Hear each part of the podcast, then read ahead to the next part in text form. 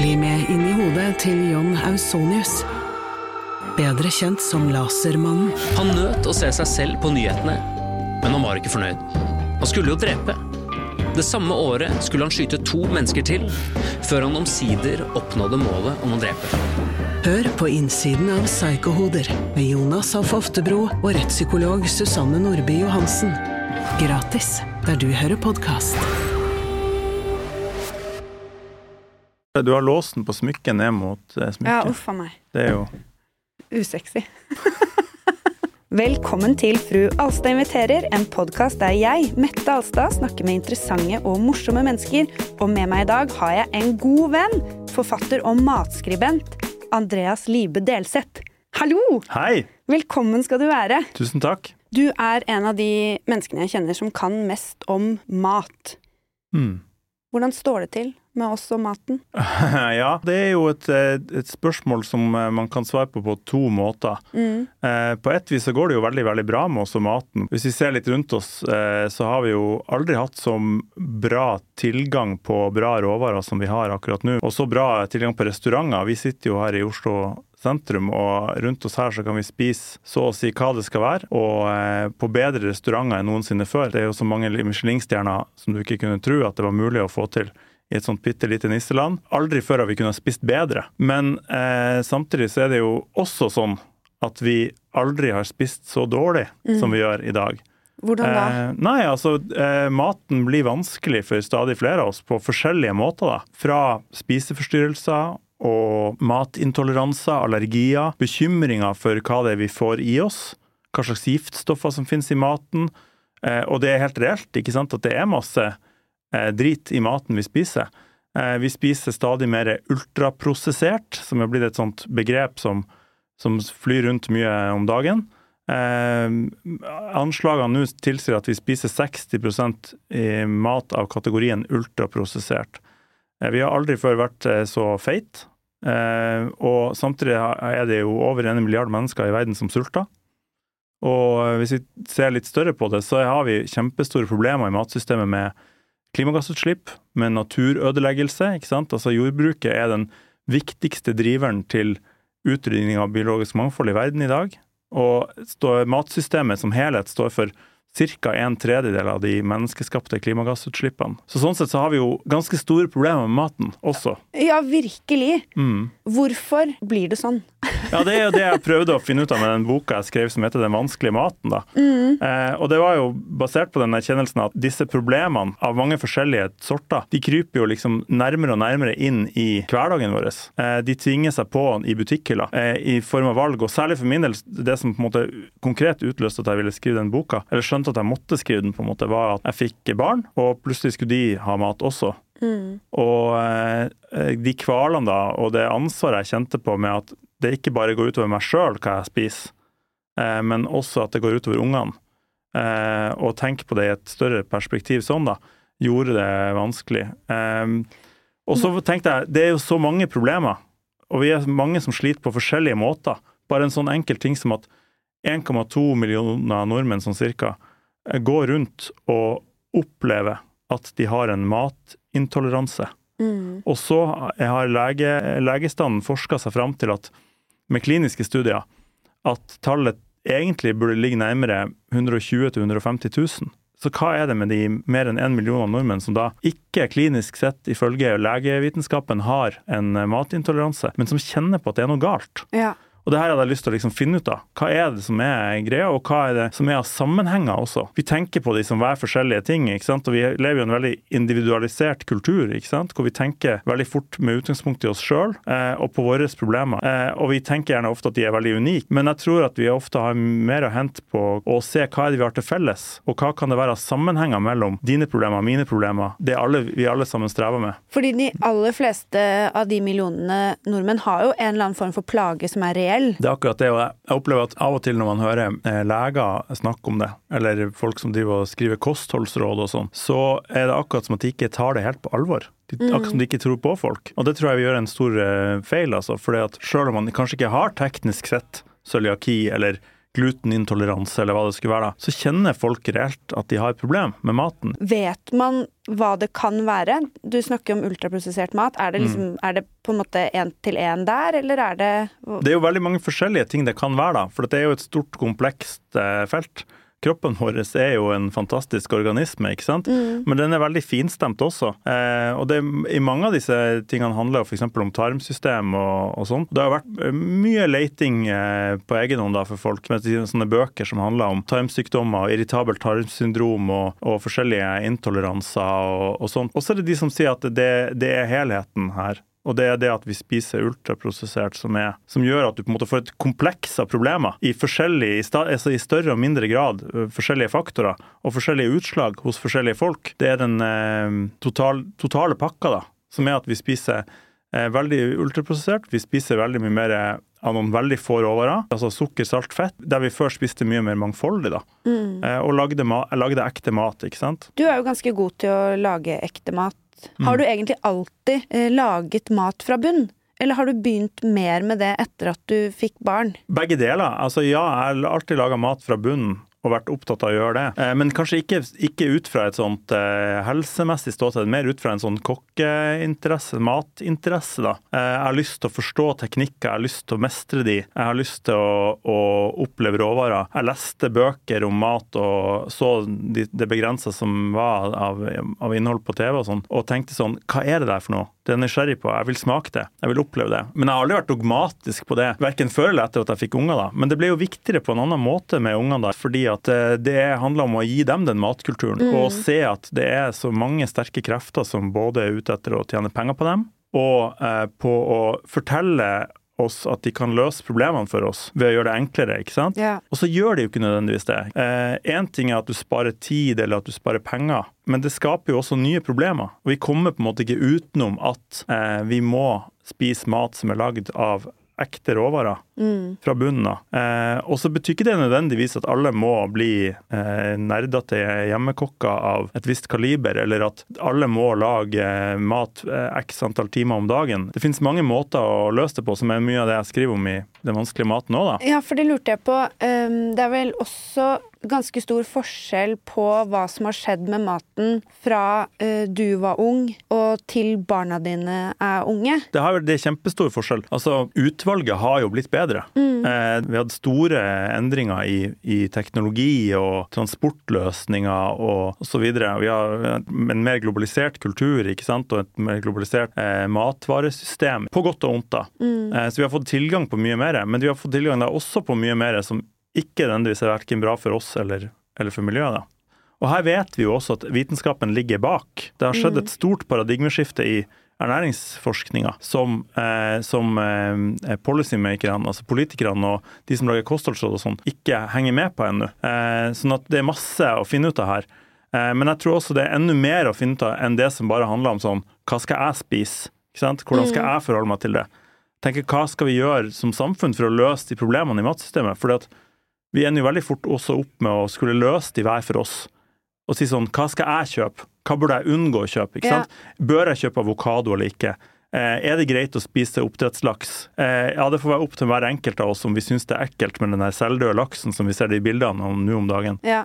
Alle problemer skal på en måte løses i butikkhylla. Eh, og jeg kjente på at det kom, det kom til et punkt hvor det, det går ikke lenger. Nei. Jeg orka det ikke.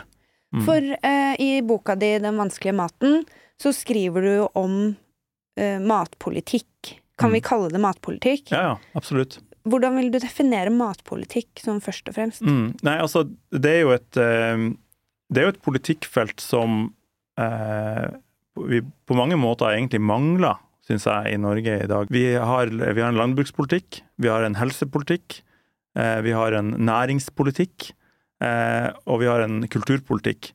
Mat er alle de fire, og mer. Og det vi mangler, er en helhetlig tenking rundt den maten. da, Rundt hele det matsystemet. Fra, fra jord til bord. da, og, og, hvordan den skal være, og, og, og hvordan den skal være utforma. Um, så det, det er en, et et spett forsøk på å begynne å tenke rundt det. Hva mm. kan det være? Hva kan være en helhetlig matpolitikk? Hvordan ser den ut? ikke sant? Eh, fordi at jeg tror at måte, vi kommer ikke utenom at eh, de store problemene vi har med hvordan hele matsystemet har utvikla seg, de må løses systemisk, og de må løses politisk hvis vi skal komme noen vei.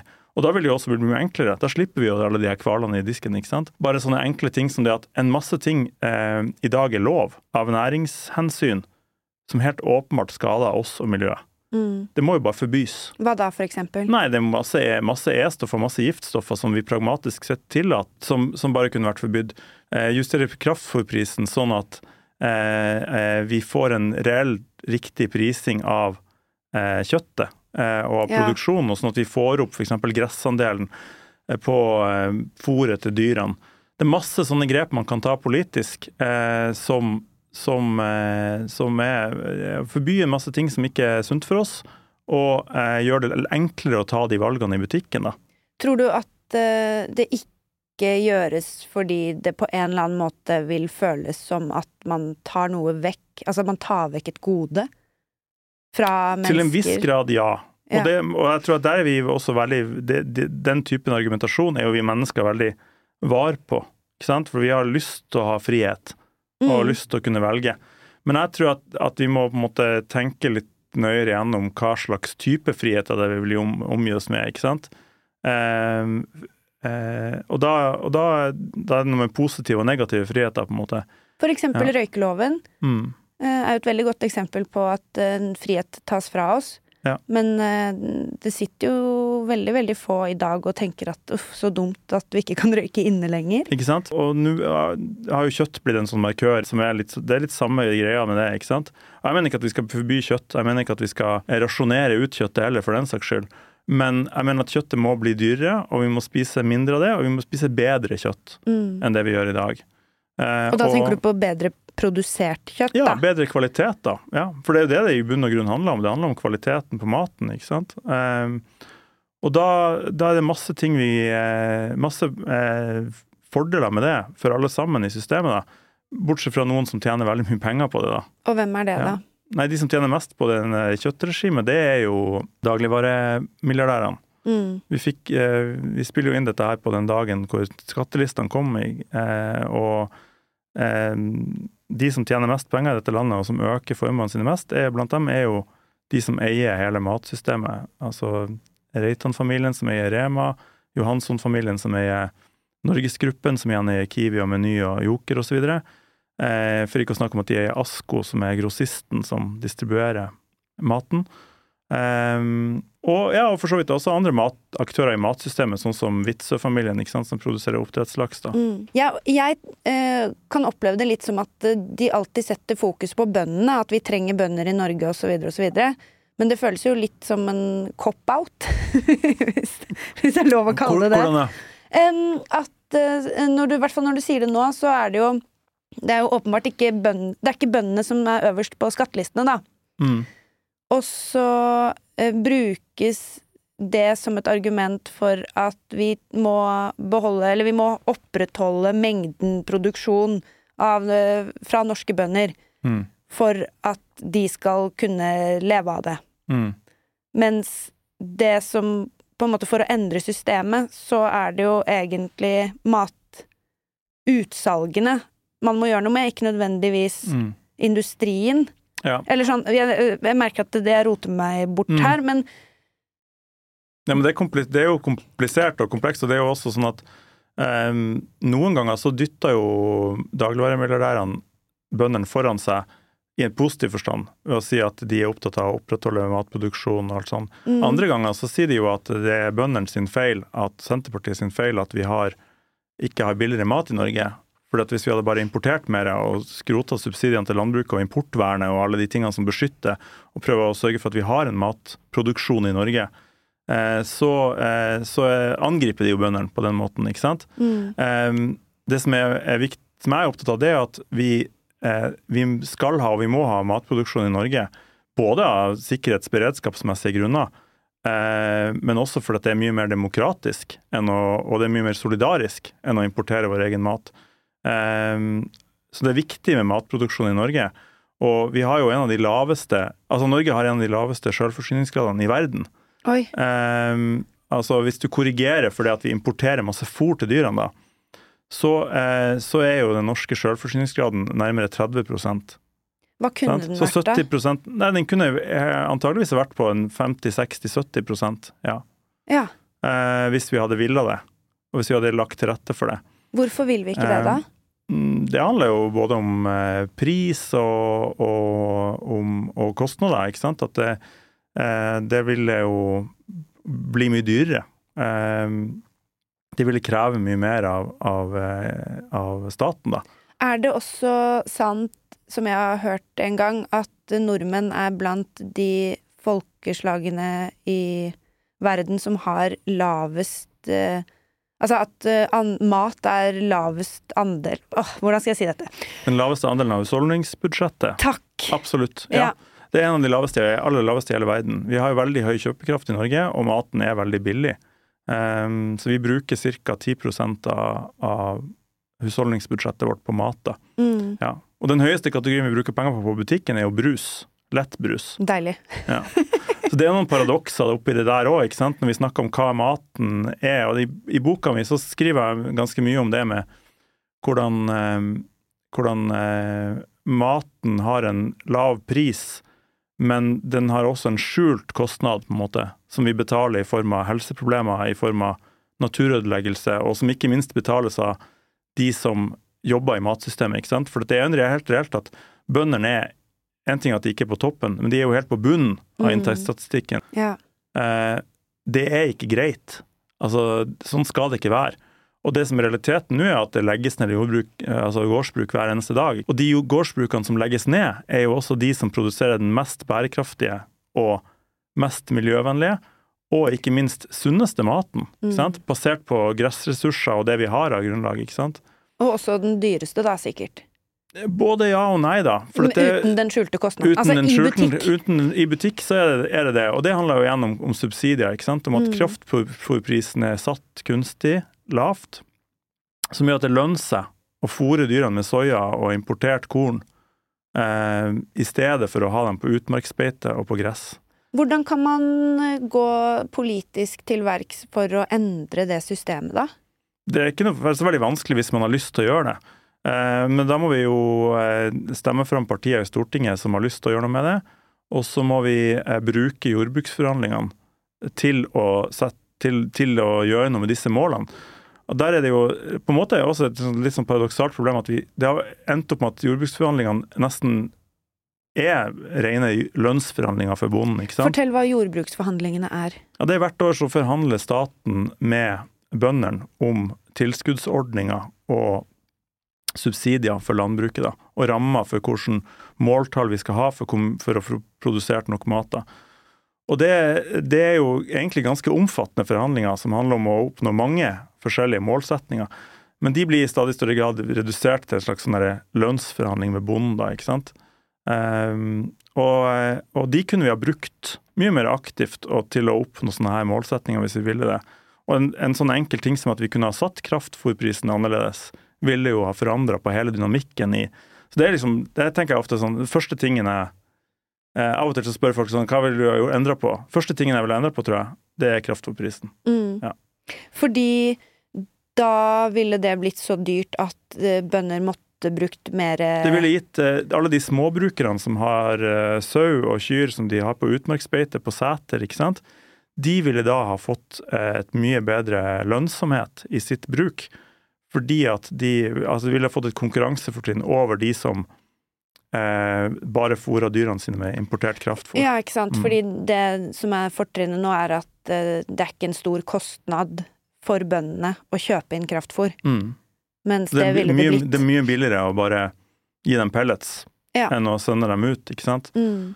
Eh, Og det påvirker jo også kvaliteten på kjøttet, for vi vet jo at, eh, at dyr som har spist altså Når vi snakker om de dyrene som spiser gress naturlig, som kyr og sau osv., Mm. de eh, kjøttet de produserer, og melka de produserer også, blir jo mye sunnere hvis de har spist gress, enn hvis de har spist korn. Det er ikke meninga at de skal spise korn, egentlig.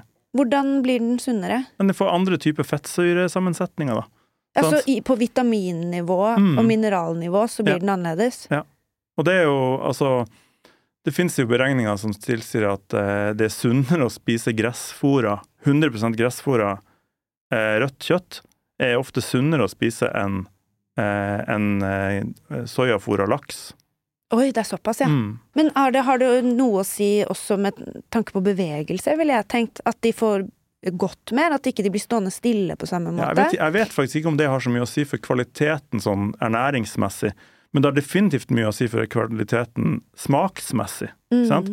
Og det er jo også viktig for oss. Det er jo der jeg mener sånn eh, der er vi har eh, latt oss lure i, i aller størst grad av dagligvaremilliardærene. De har hamra inn i oss i snart 50 år nå at eh, det eneste som betyr noe, er pris. Ja. Og dermed så har vi på en måte glemt hva maten egentlig betyr for oss. ja, det er sant. Eh, at den er viktig for oss på andre måter enn som kalorier inn og kroner ut, liksom, Mm. i butikken. Den er jo viktig for oss som, som kultur, som eh, fellesskap, som eh, glede, som smak. Mm. Sant? Det er jo en viktig del av kulturen vår, som vi nå har liksom redusert til et spørsmål om sånn, å få tak i billigst mulig, raskest mulig mat. Et Ja. problem som må løses, liksom. Man kan jo, i hvert fall i Oslo, bruke de få butikkene som er igjen, som er liksom spesialforretninger, da. Men jeg vet ikke, hvordan er det på landsbasis? Hvor lett er det å prøve å leve mer eh, Hva skal man si? Eh, Det blir lettere på en annen måte, da. For jeg tenker at Hvis du bor, eh, hvis du bor på bygda, så har du jo muligheten til å, å i større grad delta i matproduksjonen. Og du er jo tettere på der som den foregår. da. mm, Så da kan du jo antageligvis, det er jo antageligvis lettere å kjøpe direkte fra bonden også. Um, så det er jo, Folk har jo også gjerne bedre plass. Jeg mener Hus i distriktene er jo ofte store og pene og rikelig utstyrt på kjøkkenfronten, så forutsetningene for å lage god mat er gode også på bygda, vil jeg si ja. stort sett. da. Eh, Det er jo selvfølgelig noen ting som blir annerledes. da. Det er jo sånn, Hvis du drar til kystsamfunn langs hele norskekysten, så er det jo ofte veldig vanskelig å få tak i fisk. Hvorfor det? Med, med mindre du kjenner noen. Men det er jo fordi alle, alle, altså alle kjenner noen som ror. Så da, er det jo, da får du tak i fisk på den måten. ikke sant? Sånn at det er jo umulig å kjøpe fersk fisk. Jeg, var, jeg skrev den, den siste boka mi, 'Leve havet', som handler om oljekampen i Lofoten, Vesterålen og Senja. Så var jeg mye, særlig på Andøya, på Andenes, der han bor, han fiskeren som jeg skriver om. Og Der er det jo umulig å kjøpe fersk fisk på butikken, men det er jo fordi alle, det er et fiskerisamfunn. Så det er jo ingen som kjøper fisk. Nei. Alle får jo det. ja. Enten så fisker de sjøl, eller så får de fisk, ja, eller kjøper fisk eh, direkte av noen som fisker. Og det gir jo fullstendig mening. Ja, som en, altså det blir mer som en byttehandel, da. At eh, du, Ja, jeg får fisk noen- av deg, og så Ja, og noen, noen selger sikkert òg, altså. eh, Så det er jo Men det, det, det, tilgangen er en, ja, annerledes organisert, da. Og da Mm. blir det ikke noen fordyrende mellomledd heller. mm, Nettopp. Men i i hvert fall sånn der jeg bor, så har jeg Alternativene mine er jo kjeder. Mm, Dagligvarekjeder. mm, Jeg har ikke ehm, noe egen slakter eller egen fiskebutikk eller egen grønnsakshandler i nærheten, fordi jeg bor ikke i Oslo sentrum. Eller eh, da tydeligvis eh, på kysten. mm. Man kan kjøpe direkte fra bonde. Jeg kan jo selvfølgelig dra og handle, men eh, for at jeg skal handle på vei hjem fra jobb, for eksempel, så er jo kjedebutikken egentlig det eneste Mm. alternativet mitt, da. Mm. Eh, Hvordan er det rundt om i Jeg har lyst til at vi skal tenke litt annerledes rundt det der. For det er helt klart det er akkurat sånn det er. Sant? Og det er ikke nødvendigvis lett å få tak i mat. Det er ikke lett å, sånn som vi har organisert oss. Men det handler jo også i bunn og grunn om at vi har på en måte blitt fremmedgjort for maten, og at vi har gått med på at det er sånn det må være. mm, Så jeg tenker sånn eh, eh, Og det handler også om infrastruktur. ikke sant? Hva slags forutsetninger har du for å kjøpe større mengder mat, f.eks.? Så jeg tenker at vi, det, er, det er spennende å tenke på hvordan vi kan organisere alt det der litt annerledes. Kan vi handle sjeldnere? Kan vi handle mer sammen på sida av de der matsystemene? Eh, kan vi bruke de nye transportløsningene og alt sånt som etter hvert finnes, eh, som gjør at man kan få ting levert på døra, og med kjøleteknologi og sånt, til å gjøre ting annerledes eh, og handle på andre måter. Eh, kan vi også gjøre ting, flere ting i fellesskap og, og ved siden av de der butikkene. Ehm, så, så jeg tror det, det er masse muligheter. Vi kan handle på Reko-ring, vi kan handle direkte fra bønder selv om vi bor i byen. Ehm, eh, jeg har jo f.eks. akkurat eh, fått oppretta, ja i fjor da, fikk vi oppretta eggsentral utafor hos oss. Og Det er jo en eh, bonde som bor på Sokna ute i det ved Hønefoss, som jeg pleier å si, på sentrale østlandsområdet en plass. Jeg aner ikke hvor det er. Men en veldig fyr, hyggelig fyr som heter Erik, som er bonde. Han driver med høner. Og han kjører og leverer egg til mange av disse litt sånn mer finere kolonialforretningene i Oslo eh, annenhver uke. Eh, men han har da også oppretta nå eggsentraler rundt omkring i flere nabolag, der vi er et knippe naboer som har gått sammen om å si sånn vi vil ha faste leveranser annenhver uke av egg fra han. Så nå når Prior har jo leveringsproblemer nå på egg før jul, og det, er- det er liksom potensiell eggkrise på gang i førjulstida, annet fordi at det er så mye hønseinfluensa sørpå i Europa. Oi. Så driver industrien og kjøper masse egg, så Prior er liksom bekymra nå og lurer på om de skal begynne å få tillatelse til å importere ekstra egg fra Sverige, og kanskje la være å slakte de hønene de egentlig skulle ha slakta nå, og la dem verpe i to uker til for at vi skal få nok egg til jul og sånn. Det er sånn krise, krise som, som eh, brygger eh, akkurat nå. Bekymrer meg ikke et sekund. Fordi at han Erik han kommer eh, torsdag og i neste uke med egg til oss. Ja. Eh, Hvor mange egg den- kjøper du da? Jeg kjøper to pakker, han, altså 24 egg annenhver uke. Og, han, ja. Ja. eh, og så slenger han på andre ting, da. Så eh, han slakter jo et par ganger i året. Han har villsau, han har eh, gris. Da kan vi kjøpe pakker med kjøtt av han, Mm. eh, hvor- som er satt sammen av forskjellige stykningsdeler og sånn. Og det er jo sånn, det er klart det blir kanskje litt dyrere, det kan godt hende at det blir dyrere enn det vi får i butikk. Men, eh, men eh, det blir også høyere kvalitet. Mm. Eh, ungene får et mer eh, direkte forhold til hvor maten kommer fra. Eh, jeg får mye mer matglede ut av å pønske på hvordan jeg skal tilberede de forskjellige stykningsdelene.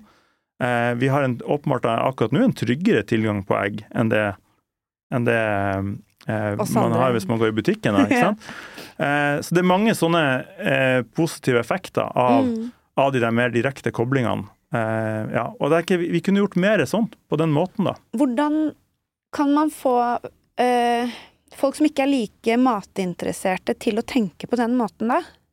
Ja, det tror jeg, jeg egentlig ikke er et så stort problem, for at hvis du ikke er matinteressert, så skal du bare det er bare fortsette, liksom. Eh, jeg tror ikke det er der problemet ligger, på en måte. Hvor er det, da? Eh, jeg tror problemet ligger i at vi lukker øynene for alle de eh, problemene som eh, på en måte ligger foran oss, eller på en måte som ligger utafor oss, enn det som handler om matinteresse. da. Mm. Sånn at, at eh, det, det kommer jo og innhenter oss på et eller annet vis uansett, da, enten det er i form av helseproblemer eller klimaproblemer eller, eller avsløringer av alvorlig utbytting og utnytting av folk og dyr da, i, i matsystemet. Ok, da eh, spør jeg på nytt. Hvordan skal man få flere matinteresserte Mm. til å bli med på det? Fordi det er jo ikke så mange som driver Mm. med det du gjør nå. Ja, jeg tror det, det, det er ganske mange som driver med det, og stadig flere som driver med det. Ja. Jeg tror på en måte det kommer litt av seg sjøl. vi, må- og vi kan snakke mer om det, vi kan skrive mer om det. Eh, vi kan organisere oss mer sammen, lage mer mat til hverandre. eh, lage mer mat sammen. Eh, Skriver du noe om det i boka di? mm, absolutt. Og jeg tenker at vi, vi, det ligger masse potensial i å prøve å se for oss noe bedre, da. Og sånn, vi går ikke med på at det skal være det her som skal være systemet Mm. med disse supermarkedene og, og, og, og dette jaget etter den billige maten. Da. Eh, det går an å se for seg noe annet. Og et sånt inspirerende eksempel som jeg skriver et helt kapittel om i boka, er jo eh, et, eh, historisk forankra. En historie jeg kommer over litt tilfeldig, egentlig, men som handler om eh, da det fantes noe som het Dampkjøkkenet her i Oslo. Hva Og er det fantes for øvrig i flere andre byer. Ja, det var en, en annerledes institusjon enn det vi har i dag, som oppsto på 1800-tallet. Og da var jo Oslo veldig annerledes. Um, Var det Kristiania? Kristiania het det. Ja. Og det første dampkjøkkenet het Kristiania dampkjøkken. Det lå nede i Torgata, eh, mellom Jungstorget og Stortorget. Et bygg som ikke finnes lenger nå, da. Men de, eh, de starta et AS, og de bygde et gigantisk bygg. Et helt kvartal fullt med by, altså stort bygg. Eh, med datidas mest moderne teknologi, som var damp og lage mat ved hjelp av damp. Så det var liksom revolusjonerende da på den tida å flytte fyringa ut av kjøkkenet. Ja. Så da fyrte de med kull i kjelleren, og så hadde de store dampkjeler som ble varma opp, og som de kokte i. Så det ble mye mer hygienisk. Mm. Og så ble det stordriftsfordeler å koke større mengder mat. Og så var de som innkjøper i stand til å gjøre mye bedre handler enn det. Det her på den tida da Youngstorget var et sånt mattorg. Og der eh, rapporteres det fra den tida om at folk f.eks. Eh, risikerte å kjøpe kjøtt som var malt rødt, Hæ? for at det ikke skulle man skulle se at det var bederva. Søren. Altså det, var så, det sto så grønnjævlig til med mattilgangen i byen. Rask urbanisering og voksen arbeiderklasse. ikke sant? Og at folk forsto at de måtte gjøre noe med det. Um, og da lagde de en institusjon, Dampkjøkkenet, som ikke var en restaurant. Det var mer en slags kantine, på en måte, uh, med en stor spisesal. Og med, også med eh, por porsjoner til avhenting, altså da takeaway. ja. Eh, de lagde opp sånne blikkspann fra blikkenslagere som folk fikk kunne komme og hente mat i. Eh, og så leverte de det inn med panteordning, liksom. Hvorfor kan vi ikke ha det i dag? Og så kan vi, på det meste så forsynte ett kjøkken da, i Torgata i Oslo forsynte eh, 3% av befolkninga i Oslo med sitt daglige måltid varm mat. Oi. Det som var mest inspirerende med det for meg, var ikke at vi nødvendigvis trenger å se for oss et nytt dampkjøkken som er akkurat sånn, men at det fantes noe annet. Men hva er det på en måte den store forskjellen fra en restaurant er mer at det er en litt sånn kantine Ja, så var den drevet Den var, drevet, den var mye større, drevet mye mer eh, industrielt på en måte, men Ja. ikke, altså, ikke industrielt eh, som Mer i som storkjøkken, liksom? Ja, mer som storkjøkken. Eh, og så var den jo drevet ideelt. Den skulle gå i pluss, men det var ikke liksom med mål om å tjene penger. Sånn at det betyr at de kunne holde prisene lav på maten og gjøre den tilgjengelig. Og så var det for alle, da. Eh, så det står på et sted i boka eh, hvor eh, sunt det var for eh, overklassen, eh, eller middelklassen, da, å måtte henvende seg i den samme luka som arbeiderklassen, Ja. og få utlevert den samme måten, og sitte ved det samme bordet og spise den samme maten. Mm. Og hvor demokratiserende eh, og sunn en øvelse det også var for oss som samfunn. da, Å se hverandre spise. ikke sant? Nå sitter vi i hvert vårt kjøkken. Mange er jo ensomme, mange bor alene i, i Norge i dag. ikke sant? Over en million husstander er jo enslige. Mm. Og, og mange, mange småbarnsfamilier strever med å få hverdagen til å gå opp. Hva hvis vi så for oss et annet måte å organisere ikke bare distribusjon og salg av mat, men også tillaging av maten? Der pensjonister og folk som er til overs i dette litt brutale arbeidslivet, Ja. kunne være frivillige og hjelpe til å lage mat. Og så kunne vi spise sammen. Eller kanskje vi kunne organisert det gjennom skoler, da. Kanskje ungene våre kunne på AKS, så kunne de få lov til å gå og meppe. Litt sånn som vi kokkene gjør på restaurantkjøkkenet. Og, og kanskje under ledelse av de kokkene som er lei av å jobbe på restaurant og utslitt del i AG som er der. Hva kalte du det? Meppe? Meppe, ja, det er et sånt restaurantuttrykk fra Det kommer av mise en place. Mise en plass? Ja, meppe, ja. Ja, så det blir mepp, og så, man, og så blir det et verb å meppe. Ja, hva vil det Ja. si, da? Nei, det er jo, du, det er jo den, det prinsippet som de fleste restauranter er organisert etter. hvor du, Det du gjør, er på en måte at du lager opp maten i løpet av dagen så ferdig som mulig, uten at det forringer kvaliteten. Ja. Så du skjærer, eh, du fileterer fisk og skjærer i porsjonsstykker. Du eh, koker kraft og lager saus av den krafta. Eh, du eh, eh, skreller grønnsaker, du lager ferdig puré osv. Og så er, på en måte, er den delen av matlaginga som er når restauranten er åpen, som man kaller for service, Mm. da eh, er det å gjøre ferdig porsjon av det på bestilling, ikke sant? Sånn at da, da er det sånn, hvis du har gjort bra MEP da, og Ja. har kontroll, så er det sånn, en bestilling på en dagens fisk, så er det sånn, ja, ett stykke fisk ut av den skuffa, en porsjon grønnsaker ut av den skuffa, varme opp, eh, smake til, eh. Pynte litt? Pynte litt, legge på tallerken. Mm. Og da skal det gå så fort som mulig og så effektivt som mulig, og bli så bra kvalitet som mulig. Og det er jo en slags teknologi da, ikke sant? Ja. Som kokkene har. Og som er en veldig Det er jo en teknologi som, eh, du, som vi ser etter apa til dels i dagligvarebutikk. Ja, med sånn ferdigkutta ferdig, ferdigkutta og sånn. Ja. Men det har sine implikasjoner for kvalitet og ernæringsmessig verdi og sånt. Mm. Eh, sånn at en del av de tingene kan du på en måte ikke replisere i, supermarked, Nei. men du kunne replisert det i, i sånne um, folkekjøkken, da, eller eh, i form av MEP-kjøkken på AKS. Ja. Eller eh, SFO, som det heter utenfor Oslo. Ja. Ja. Men uh, MEP, og det å gjøre MEP, er veldig gøy å si. ja, det er morsomt å si, ja. Ja. Det også eh, ble du kanskje ekstra klar over i, da du skrev den første boka di. Mm. Kjøkkenveien, ja. Ja. Og for å skrive den, altså i researchfasen, så tok du deg en lærlingjobb på et uh, restaurantkjøkken. Stemmer. Hvordan endte du der, holdt jeg på å si? Altså, det var jo egentlig ikke sånn at jeg gjorde det for å skrive boka. Det var egentlig omvendt. Jeg begynte å jobbe på kjøkken, og så for å, for å få komme inn på kjøkkenet, så fant jeg opp ideen om at jeg skulle skrive en bok om det.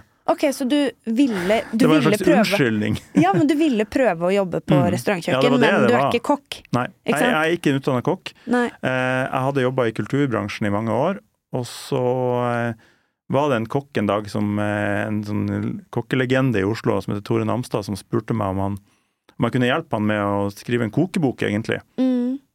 Og så sa jeg ja, men da må jeg få lov til å være med litt på kjøkkenet, Ja. sa jeg. Og det var litt fordi det, det hadde jeg drømt om lenge, at jeg hadde lyst til å være med og se hvordan det funka inne på et restaurantkjøkken. Og så hadde jeg ikke, kanskje ikke venta det, men han sa bare ja, selvfølgelig. Når vil du begynne? Og så, eh, men så skjønte jeg jo også at jeg var, eh, jeg var ikke flink nok, og jeg var ikke eh, liksom eh, klar for å gjøre det hoppet til å bli på ordentlig lærling heller. Det var liksom litt brutalt etter å være være sånn- voksen og ha studielån og, og barn og altså, alt Ja. det der, ikke sant. Så hvordan skal jeg da liksom få til Han Hun kommer ikke til å betale deg. Nei. Så da søkte jeg sånn forfatterstipend, da. Arbeidsstipend for forfattere, Mm. til å skrive en bok om det. Og da var jeg på en måte litt fanga, da. For da måtte jeg jo både gjøre den jobben, og så måtte jeg også skrive den boka etterpå, da. Mm.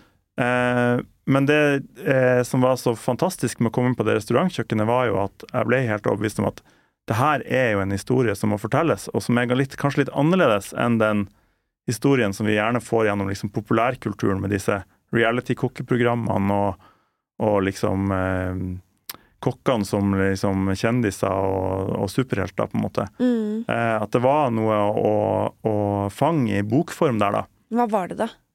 Det var flere ting, men det ene var jo det at, at eh, den, det kjøkkenet er jo mye mer enn den kjøkkensjefen som vi gjerne ser bilder av eller ser portrettert, ikke sant. Det er en fantastisk organisme av et system. Helt superfascinerende, med masse folk som spiller hver sin rolle. Eh, med masse forskjellige prosesser og hendelser og ting som foregår, eh, som gjør det til et superspennende sted, og også et spennende sted å se samfunnet fra, da. Mm. Så jeg kaller jo boka for ei bok om mat og arbeid. Ja. Og det handler jo da på en måte om vårt forhold til maten og til arbeidet. da. Og at jeg som en som eh, kommer fra og vokst opp i en kultur hvor eh, ser for meg kanskje sånn som deg sjøl òg, eh, klare forventninger om å ta høyere utdanning, Mm. klare forventninger om å, å eh, om at, måtte, eller sånn holdninger om at måtte, det teoretiske er veien å gå. ja, akademia, liksom. akademia, og man må ta høyere utdanning, og så, og så er det kontorjobb, på en måte. Det er på en måte det man som oftest ser for seg. Og hvis man ikke er det, så er det i hvert fall noe kreativt. Ja. Um, og, eh, og at det å jobbe på et kjøkken var å koble seg på en helt annen materiell virkelighet, da, som er håndverkeryrkene. Som er Mm. de, det som eh, en sånn snekker og forfatter som heter Olaug Torstensen, som jeg liker veldig godt, kaller for de manuelle. Ja. De som jobber med hendene og med kroppen sin, og som eh, omformer materiell virkelighet. Mm. Eh, og at eh, det har Det både er noe nedvurdert med det i samfunnet vårt. Det er, på en måte, det er også noe som vi Jeg tror vi eh, eh, risikerer å miste noe veldig alvorlig hvis vi ikke lærer oss å sette pris på det. Eh, og eh, det var veldig berikende å være eh, i den eh, virkeligheten og kunne gå hjem etterpå og kjenne på at eh, jeg har gjort noe, jeg har skapt noe substansielt. Mm. Vi serverte mat, ekte god mat, til og skapte en deilig kveld for flere hundre mennesker på den restauranten. Utrolig god følelse. Ja. Men du var sliten òg, eller? Klart det. klart det. Og særlig fordi jeg jeg er jo ikke trena for det. ikke sant? Så bare det å stå hele dagen Altså, jeg hadde så vondt så mange rare plasser. Gangsperr på sånne sånn korsrygg og lår og hofter og alt mulig sånt, da. Før jeg ble vant, litt mer vant til det. Masse sår på fingrene og sprukne hender og ikke sant? damp og kaldt og varmt og alt det der. Altså, det er masse, masse med det. Um, men også veldig Men jeg sov veldig godt om natta, da. Å, det tror jeg på. Ja. Hva lærte du Hva er liksom det viktigste du lærte? Jeg ble jo for det første veldig god å lage mat, da. Mm. Sammenligna med hva jeg var før, i hvert fall. Hva betyr det? Det å lage mat er en prosess som handler om å ta de råvarene du har, og så gjøre det beste ut av de. Sant? Sånn at du, det, det, det hjelper ikke alltid med en oppskrift, fordi at råvaren er kanskje litt annerledes. Sant? Mm. Eh, Det, er natur, det er natur vi prøver å omforme, på en måte. Ja. Det er jo der vi er litt fremmedgjort, på en måte. Vi tenker at alt er ferdig og pakka og nøyaktig porsjoner og Mm. alt mulig sånt, men sånn er jo egentlig ikke maten. Nei. Det er Nei, ikke sånn den blir sånn- til. Som for eksempel um, sammenligningen med uh, å tenke sånn I dag vil jeg ha biff og bearnés. Mm. Uh, framfor å tenke for eksempel Ok, hva slags stykke kjøtt er det jeg har av det jeg har kjøpt? Mm. Hva kan jeg gjøre med det? Ja. Ja. Så det handler egentlig om å måte ta råvaren først, og ikke Ja. ideen om måltidet, Så jeg tror også matsvinnet blir mindre. Og det er jo også sånn Hvis du ser det fra restauranten sitt ståsted, så er det jo også veldig fornuftig. Mm. Altså Det gir mening å ikke ha matsvinn fordi det er dårlig økonomi i det, ja, ja, som restaurantdriver. Sånn at eh, det begrenser seg helt naturlig, da. Hva Mm. kan jeg bruke disse tingene til som gjør at de, at de ikke går tapt? Over til noe helt annet, holdt jeg på å si. Du, du skriver jo masse om mat og matproduksjon og matpolitikk og restaurantmat og mat generelt. Em, hva tenker du at det er viktig at folk vet om mat i Norge i dag? Mm. At akkurat det her som handler om at eh, vi betaler en pris for den billige maten. Mm. det er liksom et sånt poeng som jeg kommer tilbake til igjen og igjen. At vi eh, må begynne å ta inn over oss at den sanne prisen for den billige maten er eh, alvorlig både for helsa vår, for dyrene, for naturen og for menneskene som jobber i matsystemet. At det fins eh, på noen vis ikke noen snarveier Nei. til god mat og til god helse og til, god, til et godt miljø, da. Eh, og at vi derfor må eh, både begynne å verdsette maten mer, og vi må eh, ta den mer på alvor, da, som en, en faktor i livet.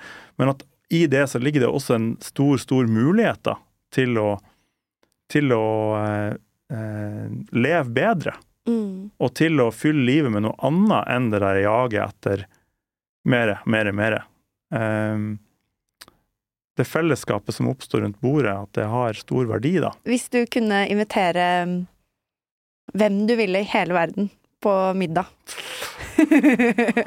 Det er, har det, vært, det har vært sånn spalte, kanskje? Det Hvem kan ville hatt på middag? Og så er det sånn folk svarer sånn derre Jesus. Mike, Jesus, Michael Jackson og Nelson Mandela. ja. Det hadde vært et kjempeselskap. Ja.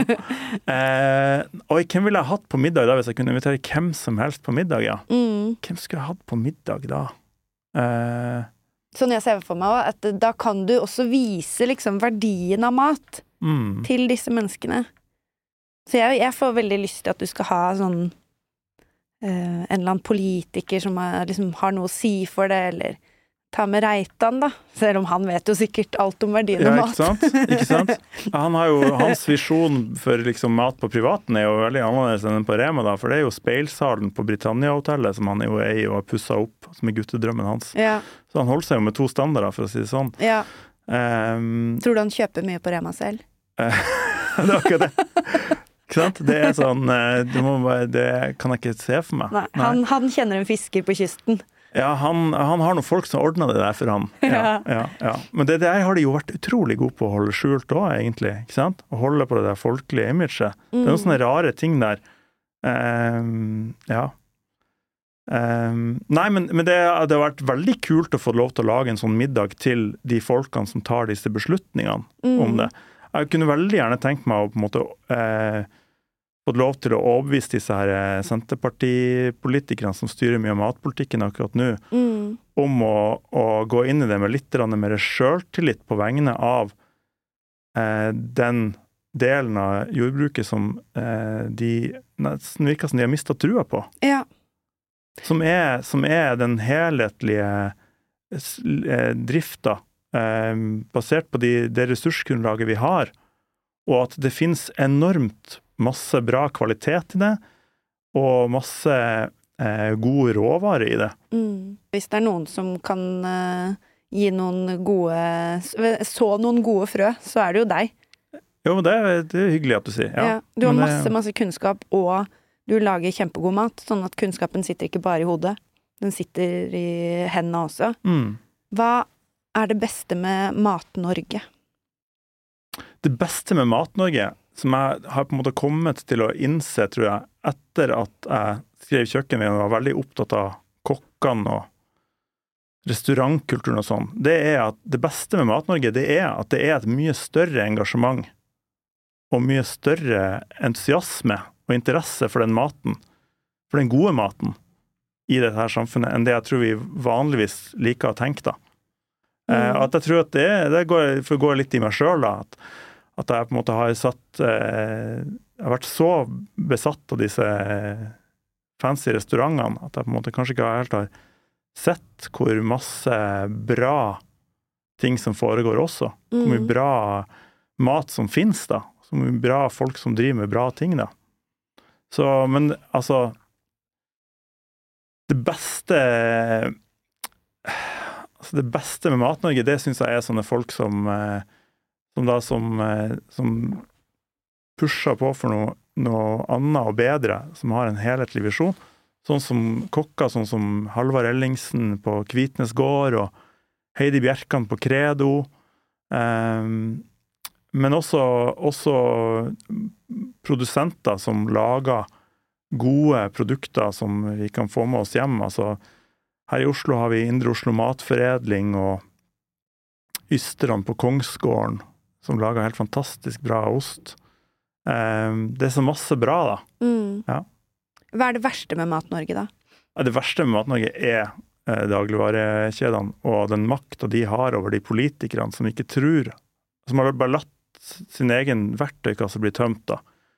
Og at de får lov til å fortsette med å definere politikken på den måten de gjør, og at de slipper unna med å ødelegge matsystemet og ødelegge livsgrunnlaget vårt på den måten de gjør. Og ikke minst akkurat nå, da, at vi har denne dyrtida ikke sant, som gjør at folk syns det er vanskelig å bruke penger på mat. Det er enormt paradoks at det er skapt av dem.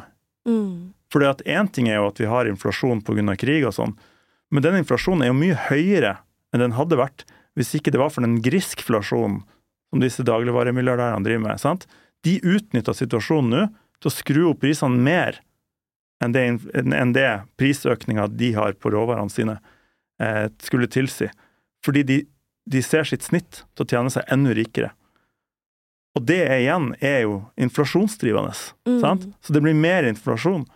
Og det at ikke politikerne da så ja, det, Hva er det verste? Er det politikerne eller er det dagligvaremilliardærene? Vanskelig, tough choice.